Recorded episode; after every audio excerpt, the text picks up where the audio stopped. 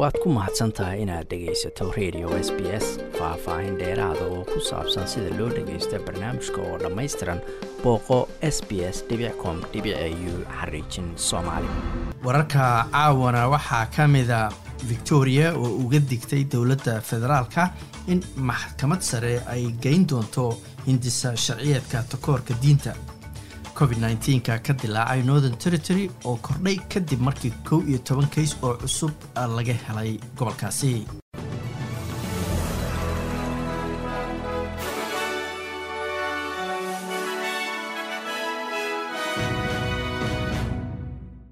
Dowladda victoria ayaa sheegtay inay ka dagaalami doonto iskudayga ay dowladda federaalka ku doonayso inay ku buriso shuruucda la dagaalanka takoorka ee gobollada iyadoo dowladda federaalkahu ay soo rogayso hindise sharciyeed takoorka diimaha oo ay dhowaan dowladdu baarlamaanka horgeyn doonto. Qeybtii saddexaad ahna tii u dambeysay ee hindisa sharciyeedkan oo qabyo ah ayaa la sii daayey isagoo qeexaya sida dowladda federaalku ay ku doonayso inay ku darto difaac dheeraada oo la siinayo dadka diimaha. Xeraalyaha guud ee victoria jaselin sims ayaa sheegtay in dowladda gobolku aysan meesha ka saari doonin inay maxkamadda sare la tiigsato hindise sharciyeedkan si ay ula dagaalanto inuu buriyo ama ka sarreeyo tan gobolka. Rodney crome oo u ololeeya dadka isku jinsiga ee isguursada ee l g b t q i pluska loo yaqaano ayaa sheegay inuu ka walacsan yahay hindisa sharciyeedkan inuu wiiqi doono difaaca ay hadda leeyihiin qaar ka mida kooxaha laga tirada badan yahay The religious discrimination bill has some protections against vilification,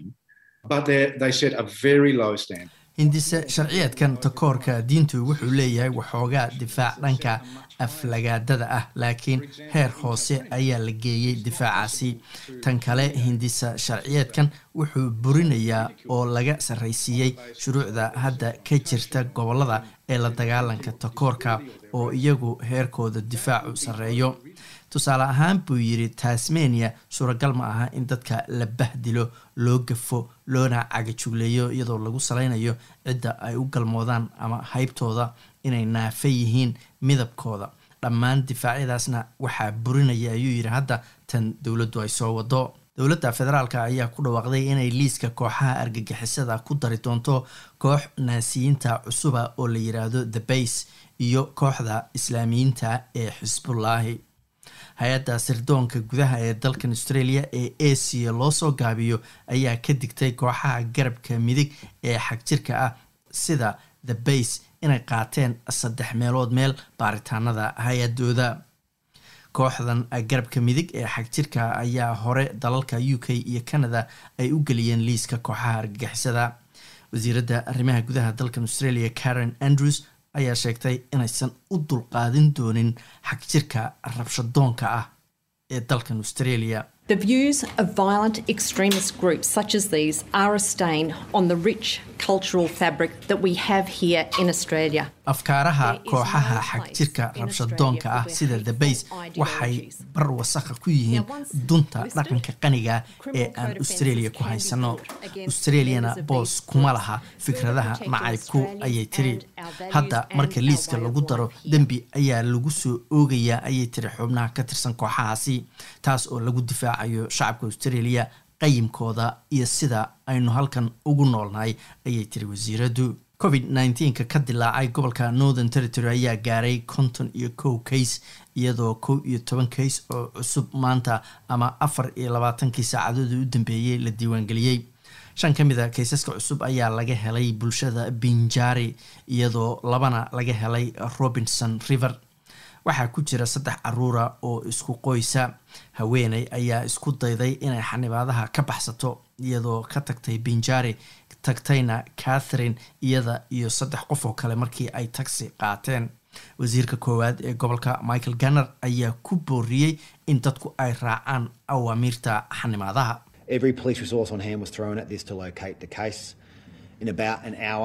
Awood kasta oo boolisku lahaa wuxuu isugu geeyey sidii kayskan loo heli lahaa. Saacad gudaheed inay ku ogaadaan qofka qaba covid-ka oo maqan ayna soo qabtaan waa arrin runtii aad iyo aad u fiican ayuu yidhi. Qofkan qaba xanuunka waxay markhaati ka tahay sababta xanibaadda loogu soo rogay binjaari inay lagama maarmaan tahay iyo inaad sharci darro ku kacdo oo aad ka dhuumato xanibaadaha sida ay khatarta u tahay ayuu yidhi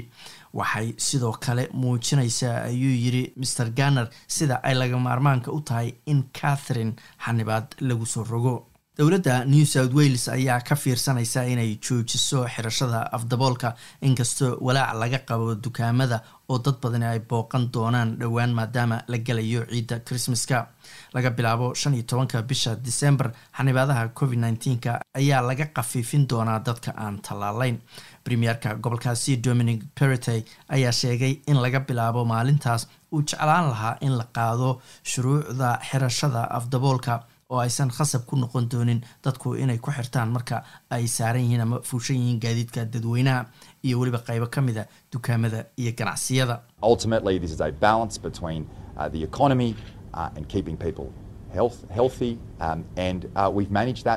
ugu dambeynta waxaanu isu miisaamaynaa waa dhaqaalaha iyo inaanu dadka caafimaadkooda sugno. si fiican ayaana taas u maaraynay haddaanu nahay reer new south wales ayuu yidhi waxaan arrimahan kaga hadli doonaa berito kulan uu leeyahay guddiga covid-ka iyo dib u kobcinta dhaqaalaha. Waxa keliya oo aan doonaya inaan sheego waa in sababta aan halkan u gaarnay ay tahay tallaalka gobolka oo hadda ku dhow sagaashan iyo shan boqolkiiba waana wax aad loogu farxo ayuu yidhi premierku. Victoriana waxay qarka u saaran tahay inay gaarto sagaashan boqolkiiba in dadku ay qaateen laba tallaal taasoo noqonaysa mid taariikhiya iyadoo kaysaska maalinlaha ay kordheen. Labaatan iyo afartii saacadood oo u dambeysay afar boqol oo kays